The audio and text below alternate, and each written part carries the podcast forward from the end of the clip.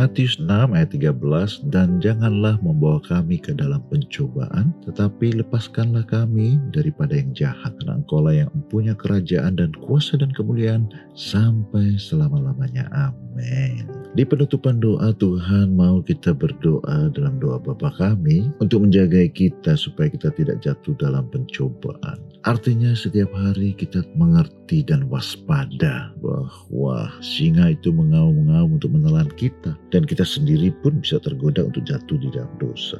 Dengan berdoa seperti ini Tuhan mau kita itu hati-hati setiap hari. Dari awal, dari pagi hari kita minta dijauhkan dari pencobaan, dilepaskan daripada niat-niat jahat si iblis, niat-niat jahat manusia yang lain mungkin di sekeliling kita, supaya kita dilindungi Tuhan. Tentu saja Tuhan melindungi kita, mana mungkin Bapak tidak melindungi kita, tapi dengan berdoa seperti ini, ini sebetulnya juga menekankan kepada diri kita bahwa harus hati-hati, jangan lengah, jangan tidak waspada, sehingga kita bisa terjerat oleh tipu daya si iblis. Kalau kita waspada dan kita berharap pada Tuhan dengan dengan sendirinya sangatlah sulit kita jatuh ke dalam pencobaan. Jangan lupa Tuhan selalu melindungi dan menjaga kita. Amin.